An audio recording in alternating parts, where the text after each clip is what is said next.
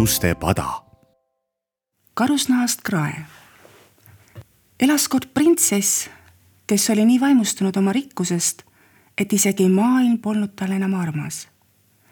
muidugi, osalt oli selles ka kuningas süüdi, sest miks hellitas ta tütart nii meeletult selle sündimisest saati.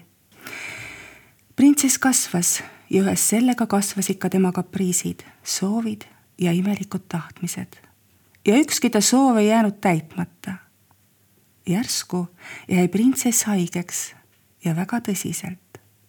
ta haigus seisnes selles, et ta ei võinud kujutella, et maailmas on midagi, mida tema ei suuda omandada ja mis oleks talle kättesaamatu.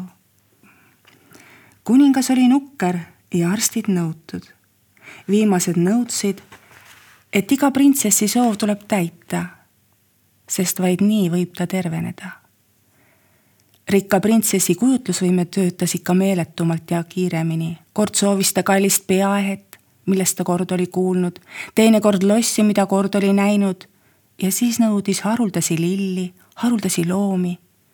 kuninga peakassapidaja oli meeleheitel, sest pidi ju ka raha hoidma, olgugi et kuningas oli väga rikas ja rahvas oli pahane, et nii tühistele asjadele nii lõpmatult palju raha kulutati.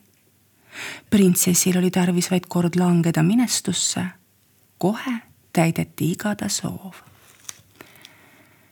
kuningas saatis rahvale üleskutse, milles teatas, et see, kes suudab printsessi haigusest parandada, saab ta endale naiseks ja pärast ka kuningaks vaatamata sellele, missugusest seisusest ta on. Võis arvata, et selle üleskutse peale ilmuvad kümned tuhanded soovijad. kuid läks just vastupidi, ei ilmunud keegi. kuid siiski ühel päeval tuli lossi noormees, kes käskis endast kuningale teatada. ta võeti esialgu kaunis jahedalt vastu, sest väljanägemise järgi polnud ta küllalt targa moega ega ka suursugune. tal polnud isegi prille, vaid ta vaatas maailma kahe selge, rõõmsa ja aruka silmaga. ta tuli, nii jutustas ta kaugelt, oli olnud paljudes maades ja õppinud inimesi tundma. printsessi lubas parandada haiguses tingimusel, kui talle antakse täielik tegevusvabadus ja täidetakse kindlasti ka käsud.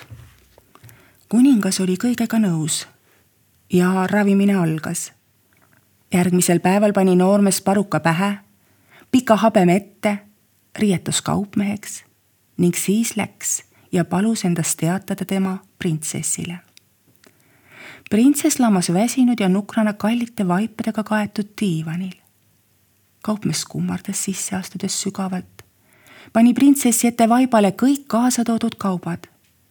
olid seal õrnad pitsid kui ämblikuvõrk, suurepärased kalliskivid ja toredad pärlid, heledad siidkangad kuldtikanditega, toredad prossid, ilusad kujud, kristallvaasid, kallid sõrmused ja muud luksusasjad. kõik see ei huvitanud sel korral printsessi. aga juhuslikult langes ta pilk karusnahast kraele, mis lebas iluasjade kõrval printsess ütles, et nii suurt ja toredat kraed pole ta veel näinud. krae oli pimestavalt valgest hermeliinist, millel ilusasti eristusid kuningliku naha mustad sabakesed. vooder oli siidist, pitsist ja tüülist. vaatamata palavale suveilmale, mil pole ju ometi vaja karuskraed, koondusid kõik printsessi mõtted ja soovid just sellele kraele võtan selle krae, kõik muu prae võid kokku pakkida, ütles printsess, ilma et oleks küsinud krae hinda. vabandage, teie kõrgus, et julgen teid segada, ütles kaupmees sügavasti kummardudes. kuid arvan, et see krae on teile liig kallis. olgugi, et see maksab väga vähe raha. printsess naeris rõõmsalt ja lausus pilkavalt. mis, mis on minu jaoks liiga kallis mina ei suuda seda karuskraed osta. Kas teie ei tea, et räägite ühe rikkaima printsessiga maailmas? sel krael on isevärki hind. algas kaupmees aeglaselt. see maksab vaid ühe kuldraha. kuid see raha peab olema ostja enese teenitud. printsess põrutas jalga ja käskis kuninga enese juurde kutsuda ja jutustas talle kogu loo. nähes, et ka kuningas ei suuda aidata, hakkas ta raevutsema ja käskis lolli kaupmehe tagasi kutsuda, sest ta tahtis tingimata omandada seda karuskraed. kaupmees jäi oma tingimusele truuks. printsess pahandas, saatis ta vihaselt minema ja läks oma tubadesse. kuid ootamatult oli printsess järgmisel hommikul paremas tujus kui eelmisel päeval. nagu näha, oli ta jõudnud mingisugusele otsusele. Ta võttis seinalt oma maalitud pildi ja saatis toatüdruku linna pilti müüma mis oli õukondlaste arvamise järgi võrratu kunstitöö. printsess polnud vähe imestunud, kui toatüdruk koju tulles tõi pildi tagasi ja kogeledes teatas, et kogu linnas ei leidunud inimest, kes oleks soovinud seda osta. maha surudes väikest vihahoogu, hakkas printsess mõtlema.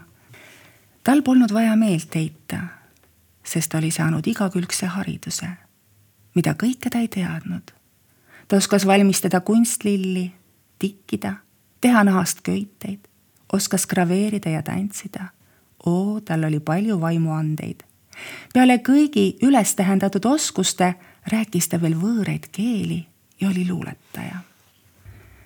natuke mõelnud, võttis ta laualt pergamendirulli, millele oli kirjutatud üks ta parimaist luuletustest, ta enesearvamise järgi. kuid ka luuletusele sai osaks sama saatus, mis pildile teist pettumust oli printsessil palju raskem kanda.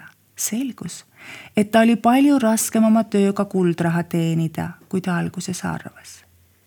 meeleheites oli printsess juba valmis karuskraest loobuma, kui järsku täiesti ootamatult meenus, kuidas lapsena küpsetas nukkudele kooke.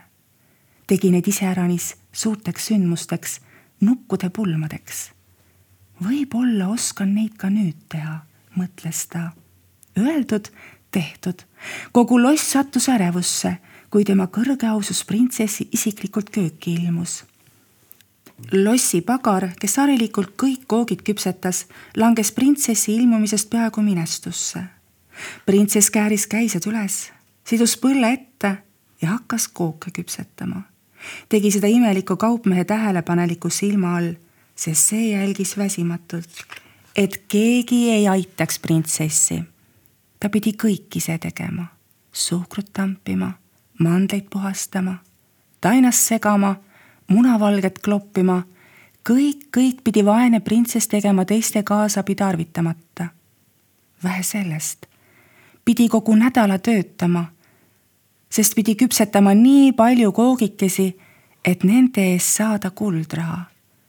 toatüdruk jooksis kogu aeg lossist turule ja turult lossi milline ülev tunne oli printsessil, kui sai esimese raha oma esimese töö eest. vaadeldes seda raha, tahtis printsess kilgata uhkuse ja rõõmu pärast, mis tähendasid kõik tema poolt meeletult tuulde pillutud miljonid võrreldes selle ainsa rahaga. kuid oli vaja veel ja veel töötada ja viimaks ometi oli ta teeninud kuldraha taevale tänu, viimaks ometi, hingas printsess kergendatult. kaupmees sai kuldraha, kuid printsess karuskrae, vaatles seda igast küljest, silus seda. Mõttes andis printsess endale sõna olla tulevikus kokkuhoidlikum ja oma soovides tagasihoidlikum. sest olgu, mis on, kuid kuldraha polnud tal kerge teenida nii palju pidi ta karuskrae eest töötama ja vaid ühe karuskrae eest. aga jõulude ajal olid pulmad. vana kaupmees võttis kunsthabeme eest ja oli ilus noormees, pealegi veel prints ja õige tark prints. palus alandlikult printsessi kätt ja sai muidugi nõusoleku. elasid nad väga õnnelikult ja printsil polnud selle tujuka haiguse tagasitulekut karta. sest vahest harva, kui märkas naise juures endisi tujukusi, ütles talle. tuleta meelde, karuskraed. see muinasjutt on pärit raamatust Kuninglikud muinaslood Eestist ja mujalt ja selle raamatu on kokku pannud Anne Parksepp. aitäh sulle, armas muinasjutu kuulaja.